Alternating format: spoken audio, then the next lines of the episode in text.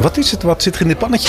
In het pannetje zit um, gember, uh, wortel en um, een chilipepertje. Uh, visbouillon, vissaus. Je bent in goed gezelschap vanavond. We, we hebben mensen uitgenodigd. Uh, gasten uit, uit Schokvast. En we komen even samen met z'n allen. Uit Slokvast? Nee, Schokvast. Wat verwacht je zelf dat er uh, gaat gebeuren vanavond? Nou, Mark en ik gaan inspiratie geven. En we gaan ook hopelijk wat inspiratie krijgen. Dat is wat ik hoop. Geven en nemen, dat ja, is het leven. Geven en nemen, dat is leven. Balans. Ja. Spreek je zo? Ja. We zitten nu ongeveer, denk ik, 10 minuutjes voor de aanvang van de allereerste Schokvast Live. Dat, uh, dat is een, een nieuwe eventreeks die we hebben bedacht bij Schokvast. We dachten, ja, we zijn nu een podcast, maar dat moet natuurlijk meer worden. We moeten het universum uitbouwen. Dus ja, een eventje erbij dachten we leuk. Dit is Schokvast Scenario's. Samen met een dozijn Schokvastgasten kropen we achter de dis om te genieten van een inspirerende maaltijd en onze geesten te versmelten. Zo maakten Mark en ik dit jaar Schokvast Scenario's. Een special over 2023, het jaar wat voor ons ligt. We grepen naar onze verrekijker en zetten een paar feiten uit de toekomst op een rij. Ja. Ben je uitgegeten? Nou, inmiddels. Dat is, dat is het allerergste wat je tegen mij kan zeggen. Ja, is dat Als zo? Belg. Wist je dat niet? dat is, daar heb ik echt zo aan moeten wennen hier in dit land. Ja. Echt jaren. Dat, dat, dan komt zo'n, ja, zo'n vrij jong iemand aan, aan je tafel staan. Een beetje verlegen. Mhm. Kijken ze je schaapachtig aan en zeggen... Bent u uitgegeten? Ja. Nee, dat kan toch... Maar het was wel, het was uh, on-Nederlands lekker wel. Het was, het was buitengewoon goed. Het was buitengewoon goed. Nee, het was, was, een, uh, was een uitermate een mooie afsluiter van het jaar. Althans, de offline afsluiten. Dit is de online afsluiten. Maar wat nog beter was, was het gezelschap. Ja, zeker weten. Hebben we veel aan gehad. Zeker weten. Ja. We zijn met een handvol oud-gasten en, en bekende schokvastdenkers... Uh, zijn we een, een, een prachtig restaurant ingetro, in, in, ingetrokken. Mm -hmm. En daar hebben wij een, een hele avond gebabbeld over het afgelopen jaar... Dus over de schokvast scenario's van afgelopen jaar. En ook vooral naar vooruit gekeken naar, naar het volgend jaar. En de, de vruchten van dat denken worden al hier gedeeld. Ja, want Adformatie heeft koffiedik kijken. Ja. En wij hebben... Schokvast scenario's. Zo is dat. Dat is toch wel de overtreffende trap. Ja. Hè? En dat is toch wel een van onze, uh, samen met de Dutch Media Week, een van onze meest gekoesterde schokvast tradities in de twa twee jaar dat we bestaan.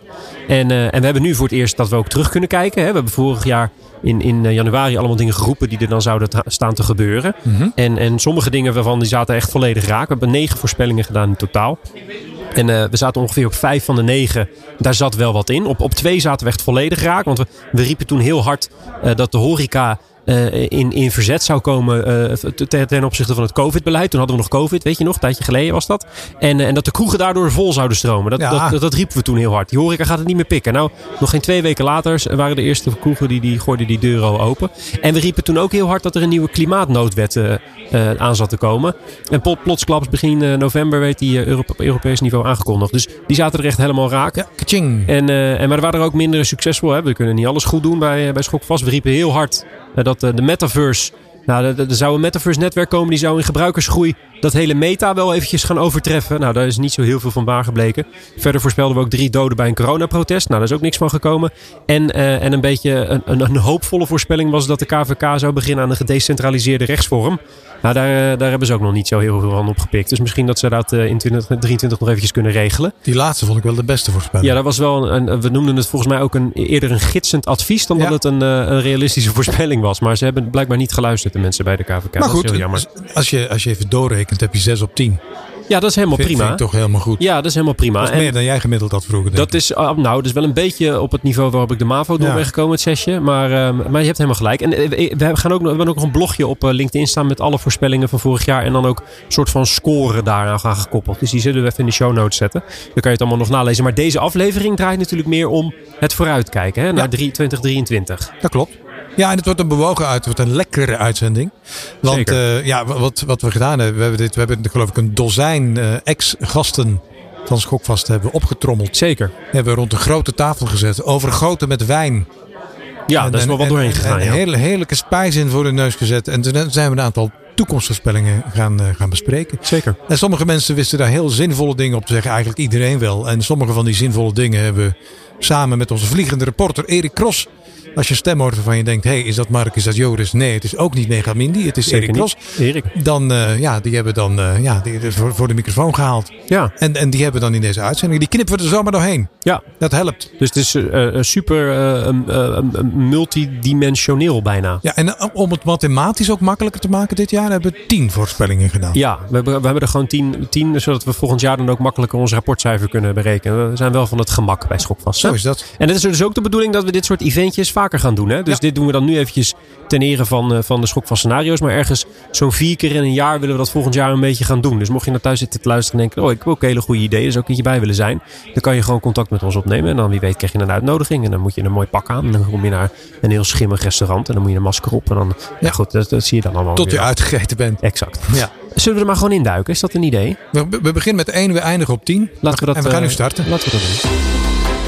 2023 kanteljaar voor inzet nucleaire energie. Ja, ik, ik, ik hoor jou denken. Jij hoorde mij denken. Ja, ik hoorde jou denken. hetzelfde. Dat is een makkelijke. Ja, nou, eh, dit, dit voelt als een open deur. Maar wat mensen zich natuurlijk niet be- eh, thuis eh, beseffen... is dat de voorbereidingen voor het Schok van Scenario's... die beginnen natuurlijk al medio september. Hè? Dan beginnen wij elkaar een beetje zo aan te kijken... van wat zullen we doen dit jaar met de Schok van Scenario's. En, en toen begon jij over kernenergie. En plotsklaps, zo'n drie weken geleden... was er ineens een doorbraak op het gebied van kernfusie. Nou, dat was een persbericht. Ja, en een doorbraak. Ja, er was, er was een soort van een doorbraak. En er was een persbericht en dat werd overal opgepikt. En Ja. kernfusies hebben het helemaal worden. Was voor mij overigens niet de reden om hem eh, ja, in het comité der wijze eh, aan de dis te pitchen hoor. Want ik, ik, voor mij is met name de reden dat er een voortschrijdend inzicht is dat ondanks de voorspelde en wat mij betreft gewenste degrowth, in combinatie met, met alle niet-fossiele brandstoffen die er zijn, exclusief kernenergie, komen we gewoon niet met de energievoorziening in deze wereld. Nee. En is de beste manier om het te gaan doen. En men ziet politiek daar ook, ja, ziet men dat toch naartoe schuiven, is eh, aan de slag te gaan met kernenergie. Of het nou kernsplitsing of kernfusie is. Ja. ja, want op dat gebied van kernfusie was er dus inderdaad eh, eerst een doorbraak en daarna een persbericht. Dat gaat vaak in die volgorde. En eh, eh, ze hebben het voor, keer, voor het eerst voor elkaar gekregen dat er dan meer energie uit zo'n fusie kwam dan dat erin ging. Dus het was energieopwekkend voor de allereerste keer. Dat is ook handig. Dat is ook wel handig als je op zoek bent naar een energiebron, dat dat iets oplevert. Ja. En, het, en het kabinet is natuurlijk bezig met die twee nieuwe kerncentrales in dat, in dat gezellige borstelen. Dus het is wel grappig dat het hele sentiment rondom kernenergie eh, wat zachter lijkt te, eh, te zijn. Ja, er zijn nog wel mensen die van die, van die ouderwetse argumenten hebben. Dat het, de opslag van het afval zou dan nog Ja. heel gevaarlijk zijn. En daar zit natuurlijk wel wat, hè? dat is ook zo. Het enige grote gevaar wat ik zie, hè, als je gekken in de wereld hebt zoals eh, de Vladimir. Ja, Ja, het is, het is wel eh, het is de Achilleshiel van je land als je een paar kerncentrales hebt staan. hè. Dan moet iemand een, rare, een gewone bom opgooien. Ja. En, en je hebt een, een rare bom te pakken. Dus dat, is, dat vind ik persoonlijk nog wel eng. ja. Maar ik denk wel dat we gaan inzien dat, of volgend jaar, maar het zal denk ik, ja, ik denk volgend jaar gaat het gebeuren. Komt toch die omslag en zal men gaan beslissen om opnieuw aan de slag te gaan met eh, een soort van herintroductie van nucleaire energie. Ja. Ook al heeft Duitsland, geloof ik, al zijn nucleaire centrales afgeschaald, as we speak. Maar als je kijkt in welke problemen ze daar nu zitten met tekort aan energie, ja, dan eh, denk ik toch dat we daar naartoe gaan. Dus ik zet, eh, ik zet vol in op 2023 kanteljaar voor inzet nucleaire energie. Genoteerd. Monetaire aardbeving. Verschillende landen stappen uit het IMF. Ja, we gaan het hier niet over het WK hebben. Maar wat hier natuurlijk een beetje aan ten grondslag ligt, deze voorspelling, is, is de groeiende kloof tussen hoe de westerse wereld naar de wereld kijkt en hoe de rest dat dan doet. Hè? Want op dat WK, wat we net hebben afgespeeld, daar zag je toch ook wel dat er bepaalde idealen heel erg met elkaar botsten. Dat, er- dat een, een One Love band door de ene kant van het stadion heel scheef werd aangekeken. En dat de andere helft van het stadion heel scheef keek toen er een paar Palestijnse vlaggen tevoorschijn kwamen. En dat is, eh, dat is toch wel een tegenstelling in de wereld die, eh, die groter lijkt te worden. En het, eh, en het IMF zou best wel eens een van de instanties kunnen zijn waarin die splitsing eh, eh, wat harder naar voren komt. Want daar is de dollar natuurlijk een heel belangrijke nou ja, pilaar, laten we hem zo eventjes noemen. Maar niet iedereen is heel erg blij met die invloed van Amerika en dat muntje. Dus ja, Maar het kan ook tijdelijk zijn. Het IMF is natuurlijk een, een, een globale entiteit. eh, waar iedereen dan zijn muntje in hangt. Of de meeste landen hun muntje in hangen. Het is het Internationaal Monetair Fonds. En eigenlijk zie je op dit moment, ook al de afgelopen jaren, mede ingegeven, trouwens ook weer door de, door de oorlog in Oekraïne. Eh, en de spanningen tussen China en Taiwan. eh, zie je een soort van herkalibratie van de wereldmachten, van de wereldorde. Waarbij Amerika zich toch al nee, ruim een, een eeuw opstelt als grote wereldleiders. Wat ook zo is. Hè? En, en, en hun munt wordt daar ontzettend voor gewaardeerd. Want het is een soort van ja, conversiemunt die je Ja. overal kan inzetten. Een reservemunt. Ja, een reservemunt. Ja. En, dat, en dat, dat, ik denk dat dat gechallenged gaat worden. En dan is er nog een andere kracht die speelt. Dat is de kracht van de crypto's. Eh, zeg maar de, de vrijbuiters als het gaat om nieuwe monetaire muntjes en dingetjes. Ehm, en dat zou El Salvador kunnen zijn. Ik weet niet, überhaupt niet of ze erin zitten. Dus daar kan je niet uitstappen. Dan telt hij overigens niet mee, wat mij betreft. Nee, je kan niet zeggen, ik, Nee. ik doe niet mee en ik heb eigenlijk ook nooit meegedaan. Dat is niet, eh, dan, Nee. dan gaat hij niet op, eh, op 10. Nee, het gaat echt over, over de su- substantiële grote landen met enige importantie. Die zeggen, mevrouw Lagarde, wij hebben erover nagedacht. Wij, wij stappen er even uit. Toedeledokie. Ja, wij, wij zijn het gewoon niet eens.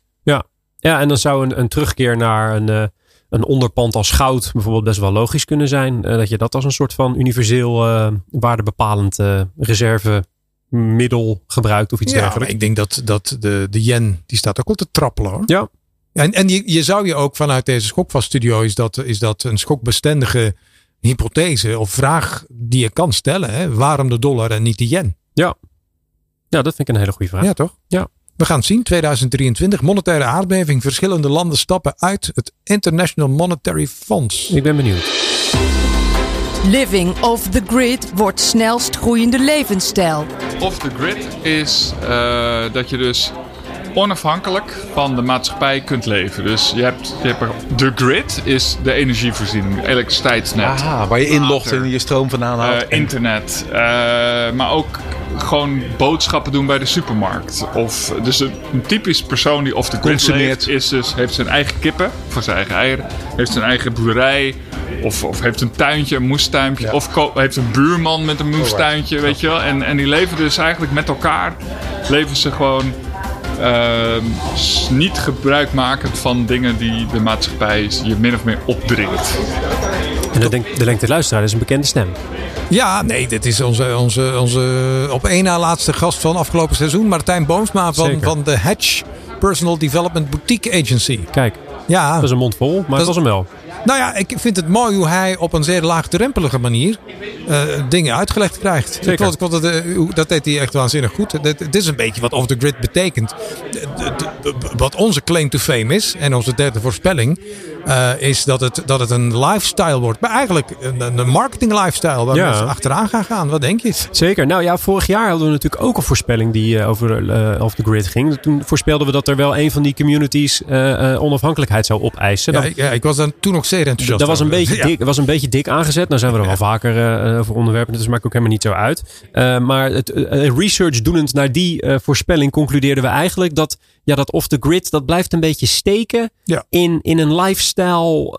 weet je, het heeft weinig, ehm, hoe zou je het zeggen, levensovertuigingslevel zit het niet echt op. Het is Mhm. echt heel erg lifestyle, heel erg hip. Beetje wat tiny houses ook op een gegeven moment hadden. Dacht Ja. ook iedereen, nou dat zullen wel hele dorpen met mensen worden die heel minimalistisch gaan leven. En eigenlijk zie je nu dat die trend alweer een heel klein beetje aan het afschalen is. Dat het eigenlijk helemaal niet zo heel interessant is om in zo'n kippenhok te wonen. En eh, eh, wij denken dus wel dat 2023 het jaar wordt waarin eh, living off the grid dan wel zich doorstoomt als oprechte, duurzame, alternatieve levensstijl. Of niks anders blijkt dan een dingetje. Wat natuurlijk ook altijd kan. Ja, en dat het is meetbaar, het is verifieerbaar. Exact. Ik, Dus- zet, ik zet in op 90%. Oké, dan Gaat ga ik, worden. ga ik op 91 Ga je, ga je zelf ook eh, off the grid, Mark? Ik eh, blijf lekker on the grid. Je, en je blijft on the grid? Ja, ik ga heel erg contra, contra de trend. Oké, ik twijfel nog. Oké. Nou, zullen we naar nummer 4 gaan dan? Blijf Doen. je dan nog heel eventjes met mij Ik, on the ik, ik grid? blijf tot 10 bij jou on the grid. Lijkt me een heel goed plan. Vladimir Poetin verlaat de politiek. Goh, ja, je zou het hopen. Ome Vlad, ja, je zou het hopen. gaat hij doen? Ja, Ik heb hier een tijdje over na zitten denken. Wat die man, stel dat je die man bent, hè? Mhm. Die man is natuurlijk zo gek als een bos wortelen en zo megalomaan als een, als een deur. Maar stel dat die enige, enige eh, nou, eh, eh, reflectie? reflectie zou hebben op de ja. situatie. Dan hij belandt straks in een bevroren conflict. Dat, daar, dat, dat, dat, dat kan bijna niet anders. Daar stevend het op af. Die gaan gewoon op een hele lange, over een hele lange periode in oorlog zijn met elkaar. Die twee maanden letterlijk en figuurlijk over. Precies. En, en daardoor bevriest natuurlijk die economie aan de Russische zijde ook. Want hij blijft gewoon in isolatie zitten als Rusland zijnde. in- Ten opzichte van de rest van de wereld. Dat zie je natuurlijk nu al.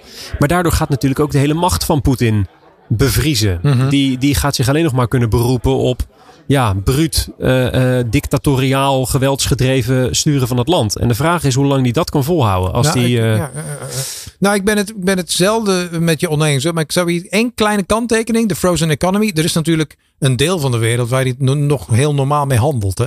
Ja, het maar, is niet zo dat hij totaal is afgesloten. Wij hebben hem afgesloten richting ons. Maar ja, de maar de- vraag is of dat... Ja, dat- ja, en de vraag is ehm, eh, of eh, het Westen dan op een gegeven moment ook gewoon niet gaat kijken naar de handelspartners van Rusland. En gaat zeggen: luister, zolang jullie blijven praten met hen, zijn wij ook geen vriendjes meer. En dan, ja, dan heeft het Westen natuurlijk nog wel redelijk wat economische slagkracht waarmee ze bepaalde landen onder druk kunnen zetten. Neem bijvoorbeeld een India, die nog best wel nou, doodleuke handel drijft met, eh met Ome Vlad. Ehm, maar ja, nee, dat die, dat die toch gaat verdwijnen is misschien ook net als die gedecentraliseerde rechtsvorm aan de KVK. Een beetje sturend advies aan de heren in, aan het Rode Plein.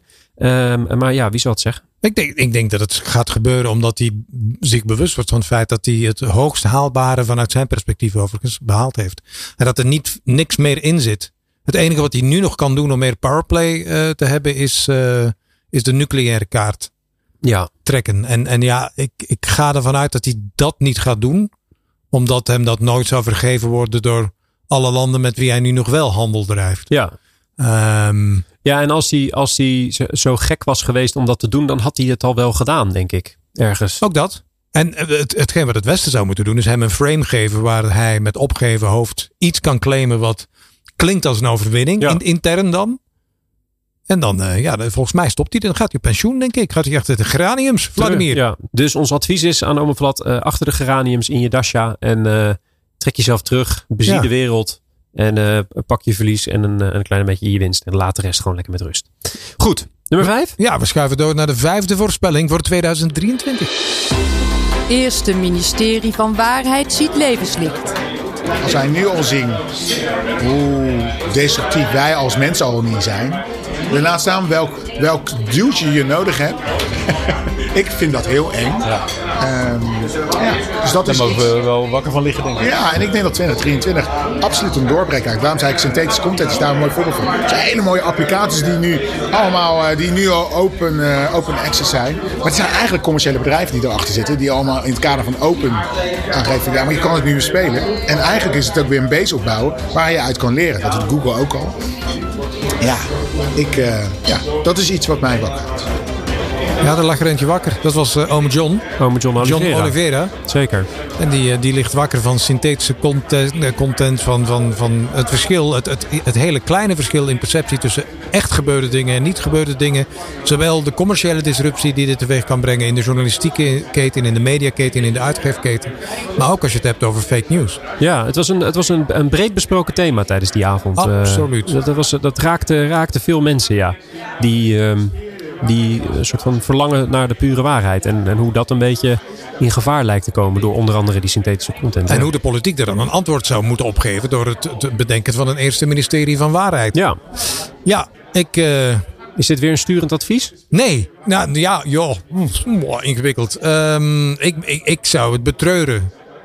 Eh, maar goed, ik vind dat de mens de waarheidsvinding in zichzelf moet vinden. En er geen ministerie voor nodig hebt. Het is trouwens geprobeerd, hè? Afgelopen jaar al in de US. Dat heeft echt drie dagen geduurd. Toen hebben ze het afgeschaft. Konden ze hem niet vinden? Ehm, de, de waarheid. nee. Ik denk dat dat ook heel moeilijk is om, om, om uiteindelijk waarheid te vinden. Nou is drie dagen wel heel kort om dat dan weer op te geven. Op te geven ja, het is toch de waarheid wat ik hier vertel. Ja, Ja, dat geloof ik dan weer wel. dat Zoek jij nog een baan? Want je kan zo als minister van de waarheid dan aan de slag. Als dit ja, doorgaat. ik weet niet of het geaccepteerd zou worden door de goede gemeente. Ehm, maar het is wel iets waar de politiek een antwoord moet op hebben. Eh, Ik weet niet dat in die afgezwakte vorm we gaan goedkeuren op het einde van eh, volgend jaar. En dat het meteen echt eh, ingebed zal worden in een, in een ministerie. Dat weet ik niet. En het zo expliciet benoemd. Maar je merkt wel steeds meer in de media en in de politiek dat er, ja, dat er een soort van discussie bestaat over wat is nou waar. Ja, zeker. En ook eh, wa- wat, wat we volgens mij allemaal een beetje aanvoelen, is dat we op een kantelpunt staan waarop we op een gegeven moment de techniek niet meer kunnen controleren. Ik bedoel, we hebben allemaal Ja. dat, eh, de, de, iedereen die een beetje in de media, marketing of businesshoek zit, die heeft dat chat eh, eh, GP3, als ik het goed eh, uitspreek, wel voorbij zien komen. Dat is die eh, ehm, tekstgenerator die op basis van drie, vier woorden een hele tekst kan genereren. Ja, die is wel akelig accuraat, zelfs in het Nederlands. En daarmee voel je toch wel al aan, ja, maar wacht eventjes. Hoe, hoe scherp kan je dit straks allemaal nog valideren? Hè? Ik bedoel, zo'n zo'n tekstje komt er makkelijk uitrollen. Ja. Maar daar moet er wel wel heel wat mee gebeuren. Wil dat waarheidsgetrouw zijn natuurlijk. Want wie weet waar die teksten allemaal vandaan komen. Dus in die zin, ehm, die techniek, die technologische ontwikkeling, die gaat zo snel. Dat op een gegeven moment komt er natuurlijk een punt waarop iedereen met die tools aan de gang is. En er helemaal niemand meer grip heeft op, eh, op de daadwerkelijke validatie en verificatie van die informatie. O- Overigens, de server van ChatGTP is, is een, beetje, een beetje te warm geworden de laatste dagen. Ja, die, Misschien dat het nu weer beter gaat als dit uitgezonden wordt. Maar als je het nog niet geprobeerd hebt, het is echt heel makkelijk ook om, om even in te loggen. zeker. Paar gegevens achterlaten en je mag ermee spelen. Het, is, het, was, het was weer een van die, momenten, van die weinige momenten in mijn leven dat ik dacht, oké, hier gebeurt iets. Zeker. Hier gebeurt iets. Zeker. Ik was ook meer onder de indruk dan die eh, beeldgenerators. Ironisch genoeg. Ja, snap ik. Want bij die beeldgenerators, daar had je dan toch wel dat synthetische, kunstmatige, dat zag je er dan toch wel een beetje doorheen. En naar die teksten kon ik kijken en kon ik denken, nou, een, een nou ja, gemiddelde copywriter Ja, is dit niveau. is dit niveau. Ja. Ja. Kon er ook naar kijken en kon denken, de copywriters die wij op, op ons bureau hebben zitten, die kunnen dit aanzienlijk beter. Nog. Dat heeft nog niet de stilistische, eh, Fi- het vonkje, finesse. de finesse Ja. die wel uit de mensenhand kan komen. Net zoals deze avond heel veel finesse heeft. Er zit heel veel finesse. Ja. Ja, er zat heel veel finesse in. Maar Ik- goed, ik- als- als- overigens, ik, ik hoorde van eh, ehm, ehm, eh, een van onze gasten dat die ehm, dat hele gebeuren, dat chat eh, type, die, die, ze verdienen nog niet zo heel veel centjes. Oh nee, maar dat zal. Miljoenen per dag verlies. Maar ik denk dat Google zijn broek scheidt. Ja, want het verandert de hele, eh, eh, het voorschotelen van, van ehm, Ja. eh, informatie op basis van een, een query, van input. Ja, dat is natuurlijk hun spelletje. Ja. En dit geeft toch wel een hoop meer context en, en waarde ten opzichte van die linkjes die Google. Zeker. Als je iets met content doet, lieve luisteraar, dan moet je het echt proberen. Want het is de allerbeste hulpbron die je tot nu toe in je leven ooit hebt gehad. En daar Exact. ben ik 100% zeker van. En, en maak er gebruik van voordat het eerste ministerie van Waarheid het levenslicht ziet en ingrijpt. Want dat gaan ze doen. Heb jij nog budget? Ik heb altijd budget. Ja, dan gaan we nu naar eh, onze zesde voorspelling. Wereldwijde defensiebudget hoger dan BNP Afrika. Oké, dit, dit is een spelletje van nullen. Over hoeveel nullen hebben we het nu? Ik heb het even op zitten Ja, dat weet ik. Eh, het wereldwijde defensiebudget in dit jaar is 2 biljoen. Oké, voor, Dus- voor- voor de mensen, dat is 2000 miljard. Juist. 1 miljoen miljoen. Ja, ja 2 miljoen miljoen. 2 miljoen miljoen. Dus, dus, dus 2000 miljard. Ja, ja. Dus 2, 2, 2 trillion is 2 biljoen. Ja? Is 2 miljoen miljoen. Ja, maar het is zoveel, dat, dat, dat zijn negen nullen. Exact. Ja. Dus zijn een hoop nullen. ja, een hoop nullen. En daar dan een 2 voor. Juist. En dat wordt uitgegeven aan, aan, aan geweren en Wapens, schietdingen om mensen dood Mensen, te maken. tanks, Ja. drones met mannetjes erin, Ja. drones zonder mannetjes erin. Dus Pennen bij het ministerie van Defensie. 2000 miljard wordt uitgegeven om mensen dood te maken. Ja.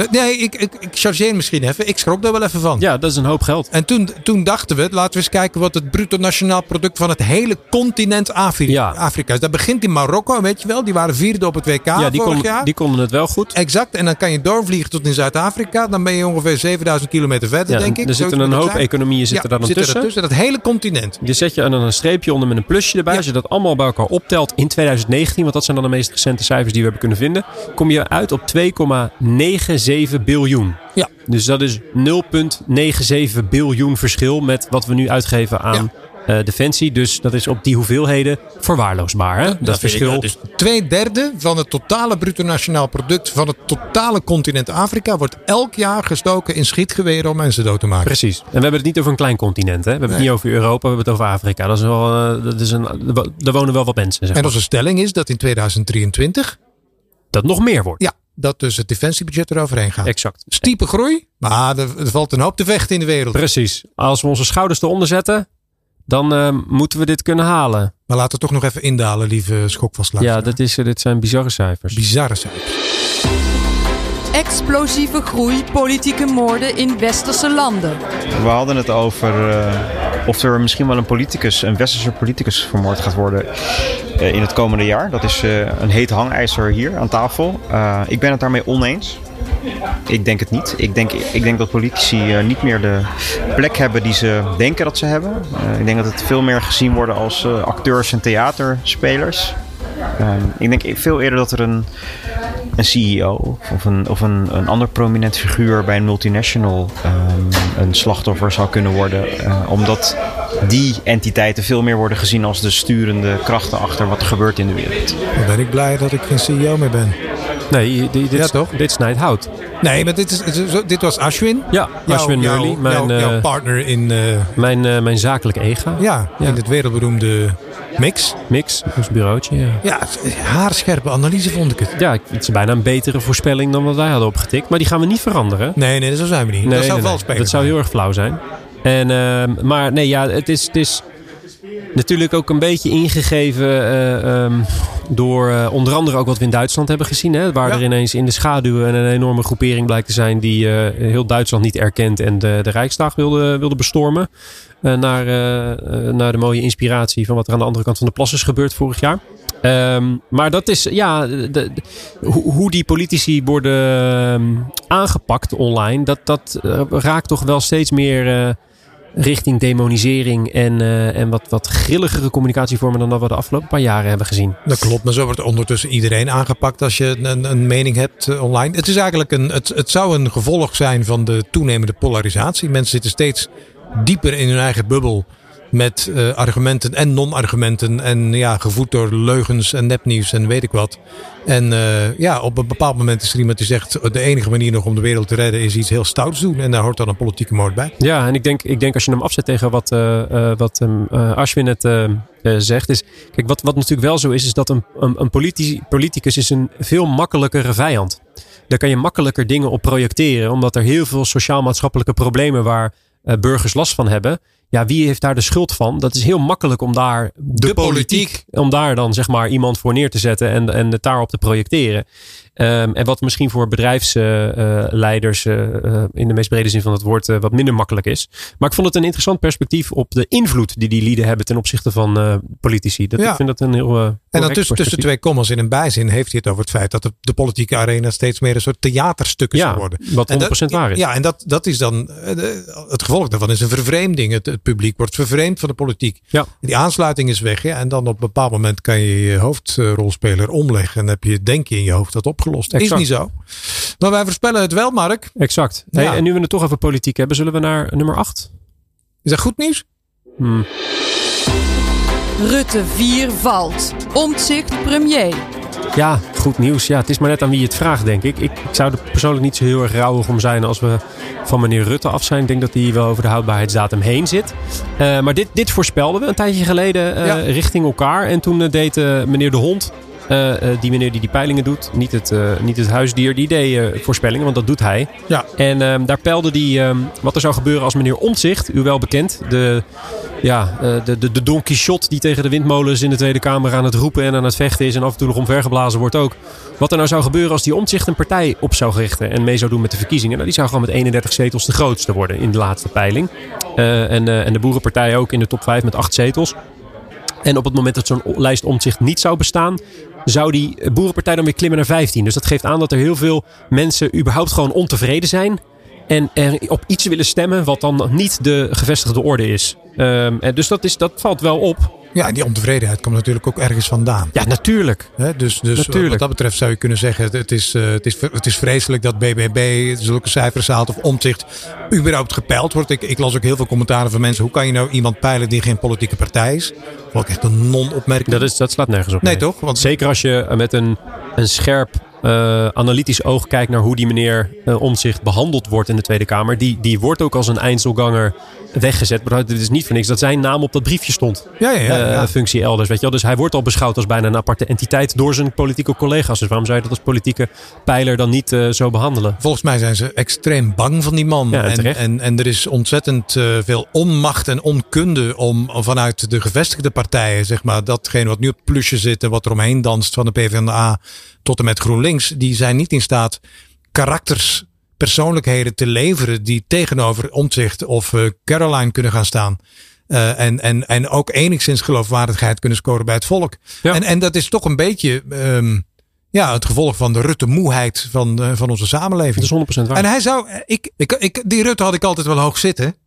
Maar er is een tijd van komen en een tijd van gaan. Een, een be- beetje zoals Ronaldo, weet je. Dat is ook triestig. ja, Je moet, niet, je, je moet op een bepaald moment moet je met een opgeheven hoofd zeggen: Dit is goed geweest. exact. Had al lang bij de VN moeten werken of zo. Ja, ja. Dus zeg je nou indirect dat Mark Rutte maar moet les gaan geven in Saudi-Arabië? Is dat een beetje het idee of niet? Maakt mij niet zoveel uit waar hij naartoe gaat. Maar hij, hij, hij, hij doet nu pijn aan onze samenleving. Ja. Want anders zou dit niet naar boven komen in de samenleving, dit soort peilingen. Nee, nee, nee, zeker niet. En, en ook als je het hebt over het nemen van politieke verantwoordelijkheden, waar hij altijd de mond vol van heeft, eh, dan heeft hij dat in de afgelopen paar keren natuurlijk niet gedaan. Met een Nee. eh, toeslagenaffaire en weet ik veel wat hij allemaal nog over zijn nek heeft, eh, heeft gekregen.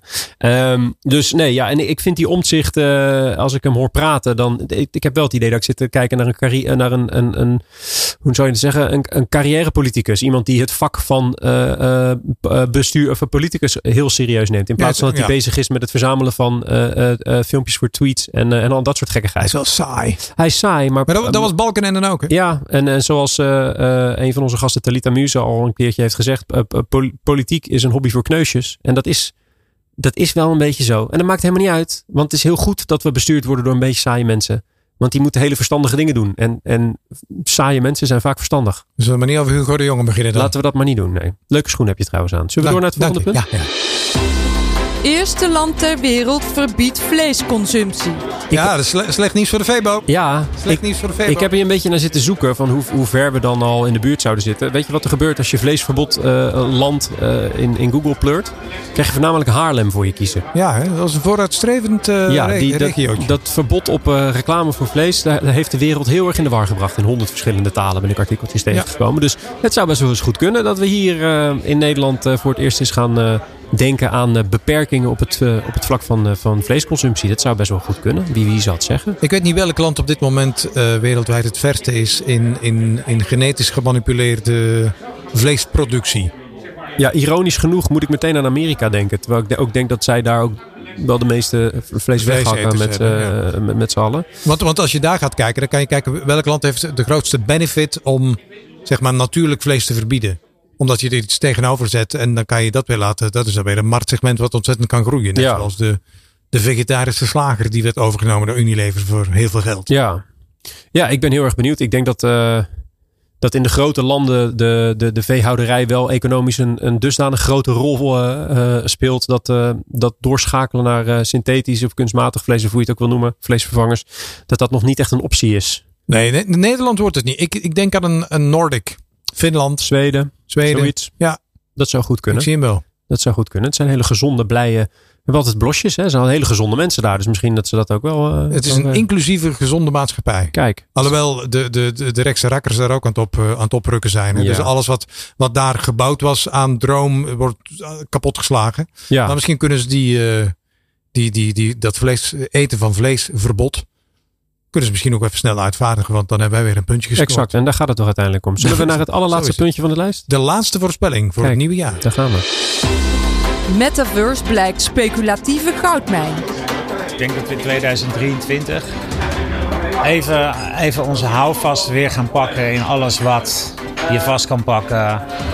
Eh, basiswaarden van het leven, gas, stroom en elektra. Dat is waar we nu mee bezig zijn. En we komen uit een tijd van 22 waar we het meest abstracte gingen verheerlijken. Hè, eh, tot eh, miljoenen NFT's aan toe. Dus ik denk dat we heel even een soort rustpuntje krijgen in 2023. Om daarna weer de draad op te pakken met, als ik dan binnen mijn eigen vakgebied praat, met alle virtuele eh, metaverse gerelateerde ontwikkelingen. Ja, hij kan het weten. Onze vriend Kees Capitola. Kees Dingler. Live vanuit de trog van de desillusie. Exact. Zo klonk het wel. Ja, ja, hij had een heel realistische kijk op de wereld. Ja. Waar hij zich wel zijn, eh, zijn weken in, eh, in, eh, in doorbrengt inderdaad. Kees die, runt, die is natuurlijk gastje nummer twee, als ik me niet vergis. Ja. Hè? Van, uh, van Schokvast Ooit. ooit. Ja. Runt Capitola. Capitola is een bureau dat heel veel dingen maakt voor de metaverse. Heel veel digitale goederen, campagnes, nou noem het allemaal op. Ehm, en en die, die, ja, die, die zegt eigenlijk, jullie hebben misschien wel een heel klein beetje gelijk. We gaan een beetje tot stilstand komen. Wij noemen het een speculatieve goudmijn.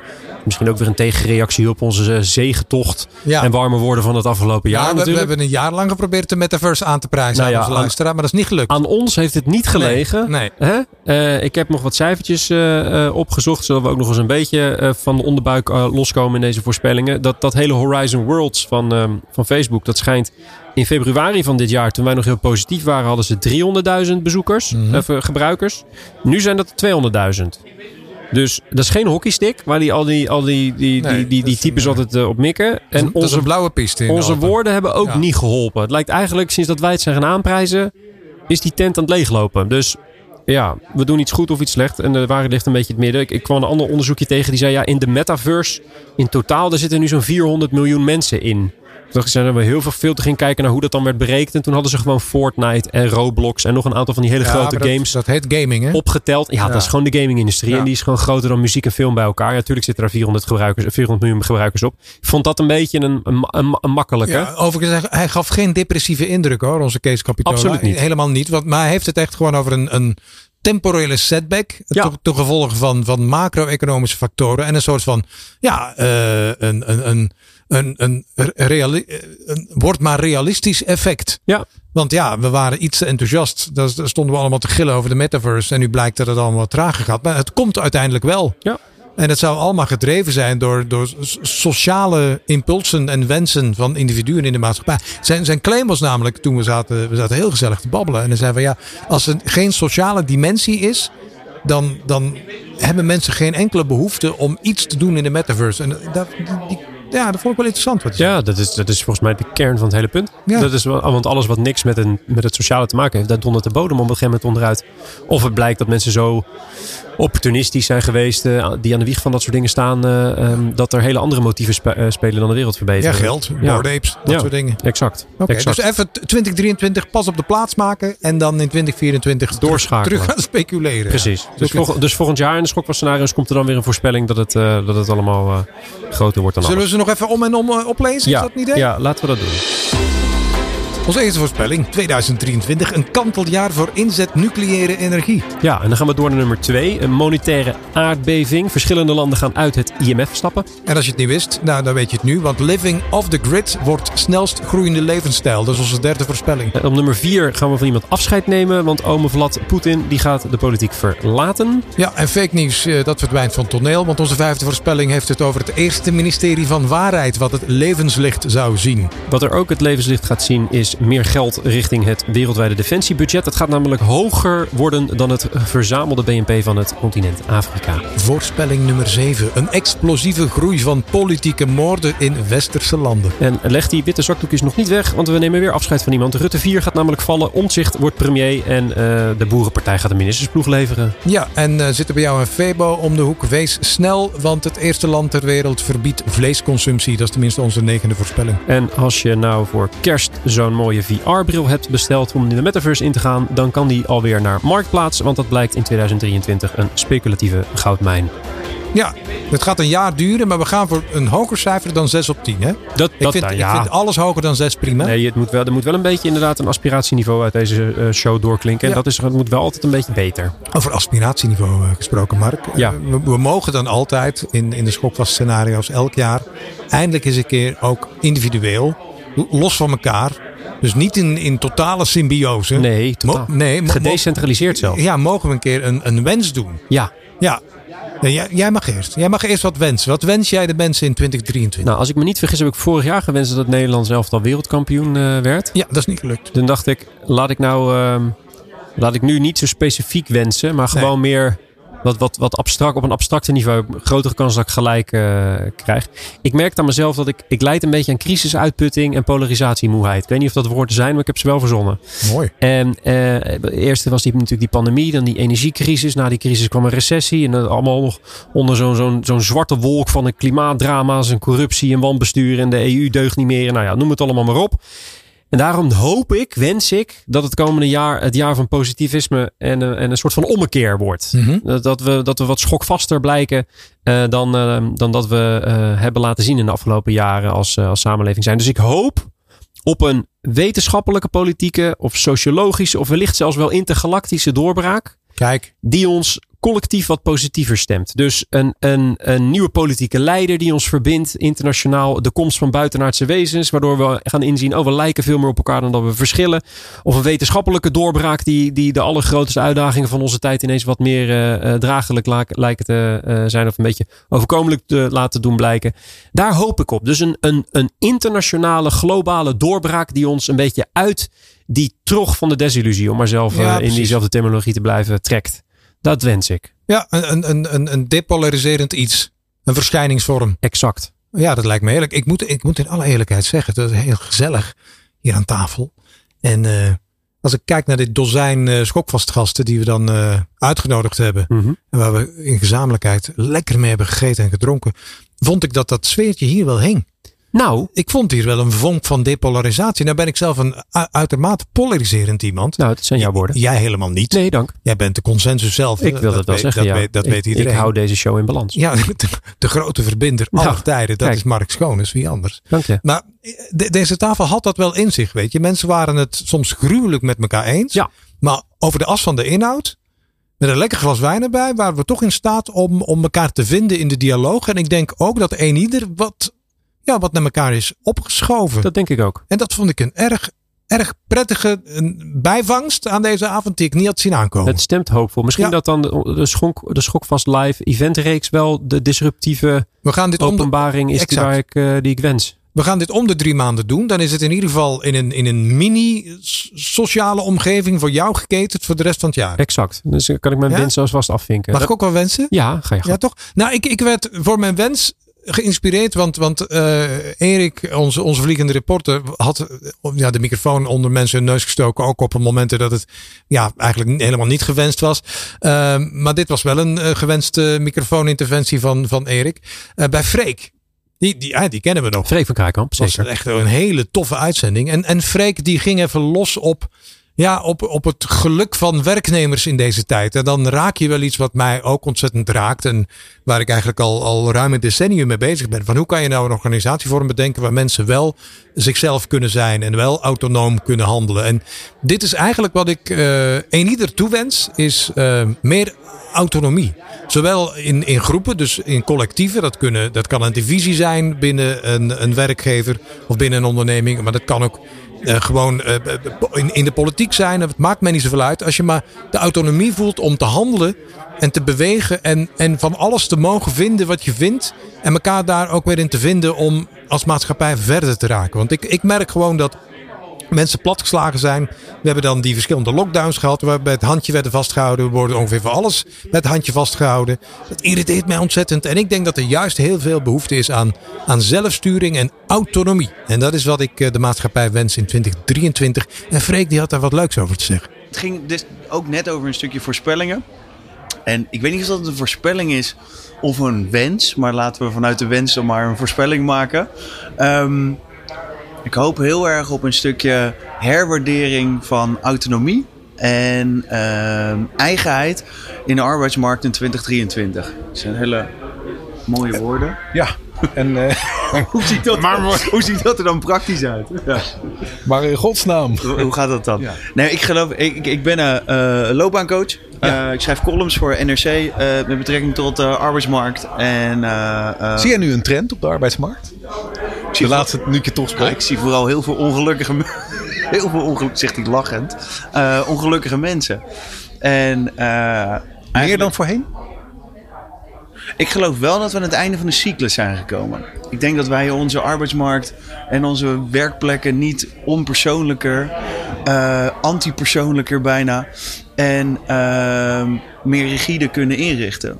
Dus eigenlijk hoop ik op een soort van rebelse eh, Movement. movement, een rebelse eh, beweging, waarin een stukje autonomie en eigenheid weer wordt omarmd. Wat bedoel je daar precies mee? Ik heb een beetje het idee dat als mensen tegenwoordig op de zaak komen, dan hangen ze een jas op. En als het regent een paraplu in de bak. En dan de eigenheid wordt er ongeveer naast gehangen. En eh, acht uur later hangen we de jas, pakken we, trekken we weer aan. Maar meer ook niet. Nou, ik heb heel erg het gevoel dat, dat we spelen een soort tweede persona op het werk. Om maar vooral niet op Ja. te vallen en gekke dingen te doen. Ehm, met een gevolg daarvan is dat ook een stukje autonoom denken niet meer omarmd wordt. En van daaruit ja, is het gewoon een, een. Het is heel rigide. En ik hoop qua eh, productie, qua werkplezier, qua eigenlijk alles. Dat er gewoon meer ruimte komt voor een eigen persoonlijkheid en een eigen denken. Ja, mooi hè. Het is, dus mijn, mijn hobbyhorse stond daar op de gang. En die Freek die springt daarop en die begint het te bereiden. En ja, dat paard werd er heel blij van, dat hoor je. Nee, dat had, ik, ik, ik had dit nooit zo mooi kunnen zeggen. Dus dit moest in de show, vond Ja. ik. Prachtig. Ook dat is het effect van de Schokvast Eventreeks. Hè? En zo is het. Kijk eens aan. We zijn aan het einde gekomen van deze tweede editie van Schokvast Scenario's. En van het jaar. En van het jaar. Dit is de allerlaatste aflevering van Schokvast die we dit jaar maken. Volgend jaar gaan we dingen heel anders doen en toch een beetje hetzelfde. Hoe we dat allemaal gaan doen, dat eh, houden we allemaal nog lekker, lekker geheim. Ehm, maar dit was het voor eh, 2022. En als je een keertje wil eh, opdagen bij een van onze schokvaste live events. Er zijn er vier per jaar. Zeker. Eentje in de lente, eentje net voor de zomer, dan eentje net na de zomer. En dan hebben we schokvast scenario's 2024. Maar dat is pas in december volgend jaar. Maar je bent altijd welkom en laat het ons weten. Altijd welkom. Eh, je kan eh, eh, commenten, liken, mail ons, bel ons. We zijn overal en nergens te vinden. Joris, een heel fijn uiteinde. Ja, jij ook. Daan, een heel fijn uiteinde. En Onze, onze altijd betrouwbare Daan die achter de mengtafel staat. Let je wel op mijn vuurwerk, Daan? Want je ziet hem zo wel die zijn, eh, die zijn vingers Ja, afvikt. en die vingers hebben we nog nodig, ook Ja. in het nieuwe jaar. Oké, En je vriendin ook. Nou, ehm, eh, dit was hem voor dit jaar. Eh, dank voor het luisteren. Nalezen doe je op schokvast.nl zoals iedere aflevering. Wij zijn er weer in het nieuwe jaar. En alle linkjes naar al het moois vind je in de show notes. Mijn naam is Mark Schoones. Dank voor het luisteren ook in 2022. En tot de volgende.